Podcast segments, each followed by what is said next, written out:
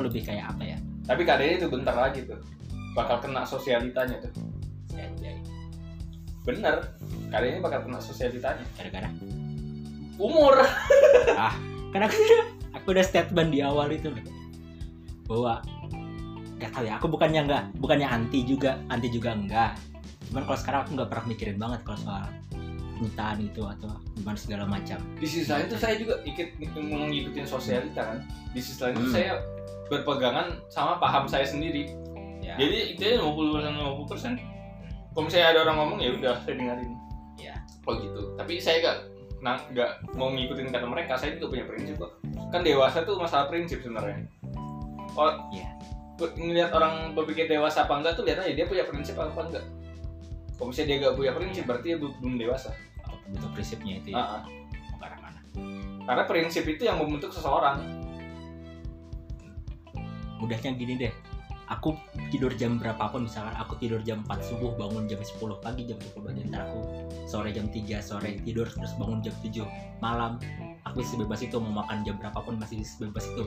Aku menikmati banget hidupku kayak gini. Kalau ntar aku punya pasangan harus bisa bertanggung jawab dong.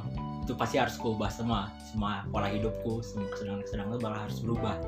Nah apakah aku bakal mau merelakan itu sekarang. Kalau sampai aku menemukan orang yang aku bisa ngerelain itu aku tinggalkan kehidupanku yang aku anggap menyenangkan itu ya berarti ya mungkin itu saatku. Cuman kalau sekarang belum. Aku masih nikmatin di mana aku bisa kerja 24 jam penuh. Itu, itu masih menurutku kesenangan yang aku nggak bisa tinggalkan sekarang.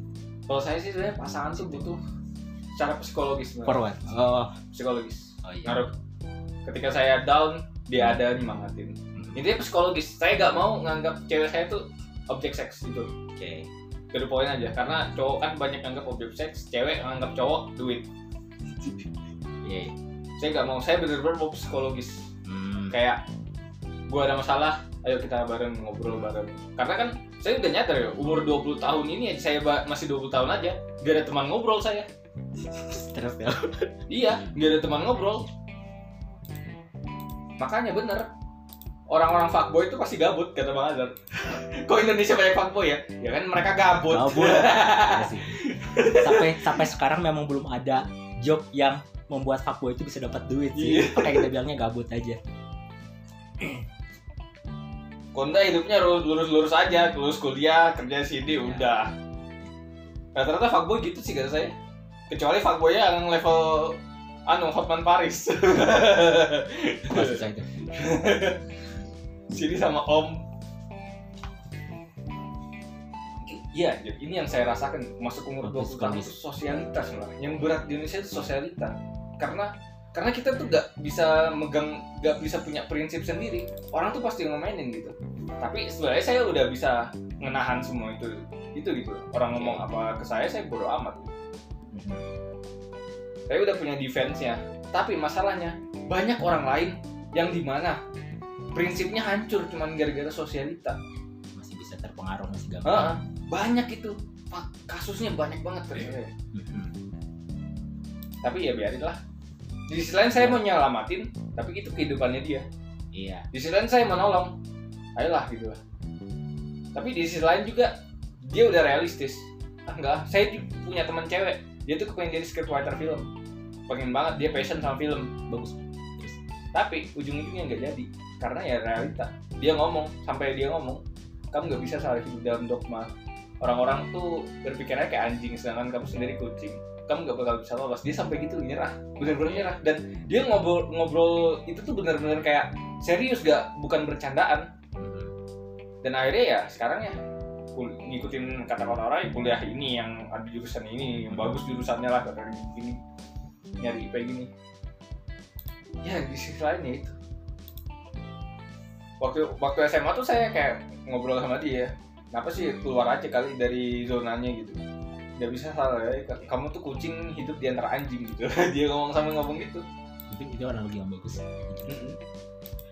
Pertama dia ngomong dari keluarganya, keluarganya gak setuju Hmm. dia jadi scriptwriter film.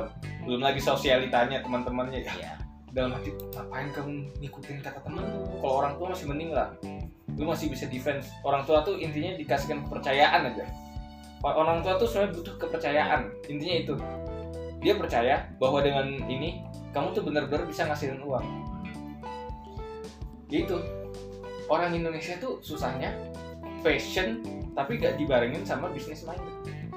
Passion doang tuh sebenarnya nggak bakal nggak bakal bisa ngasilin duit kata saya. Harus dibarengin dengan bisnis minded gitu. Ya kan?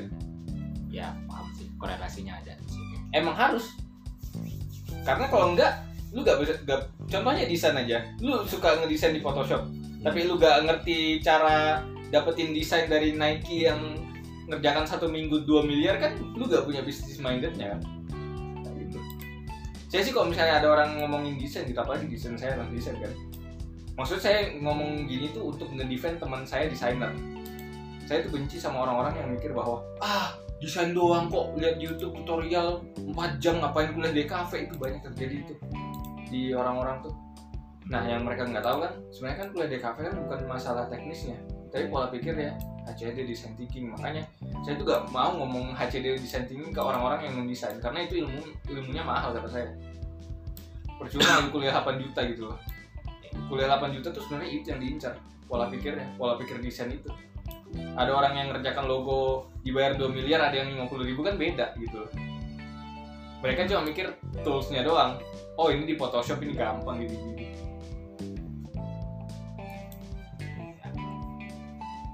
nah, kalau kata saya sih orang-orang industri kreatif tuh harus memisahkan diri dari sosialita kata saya.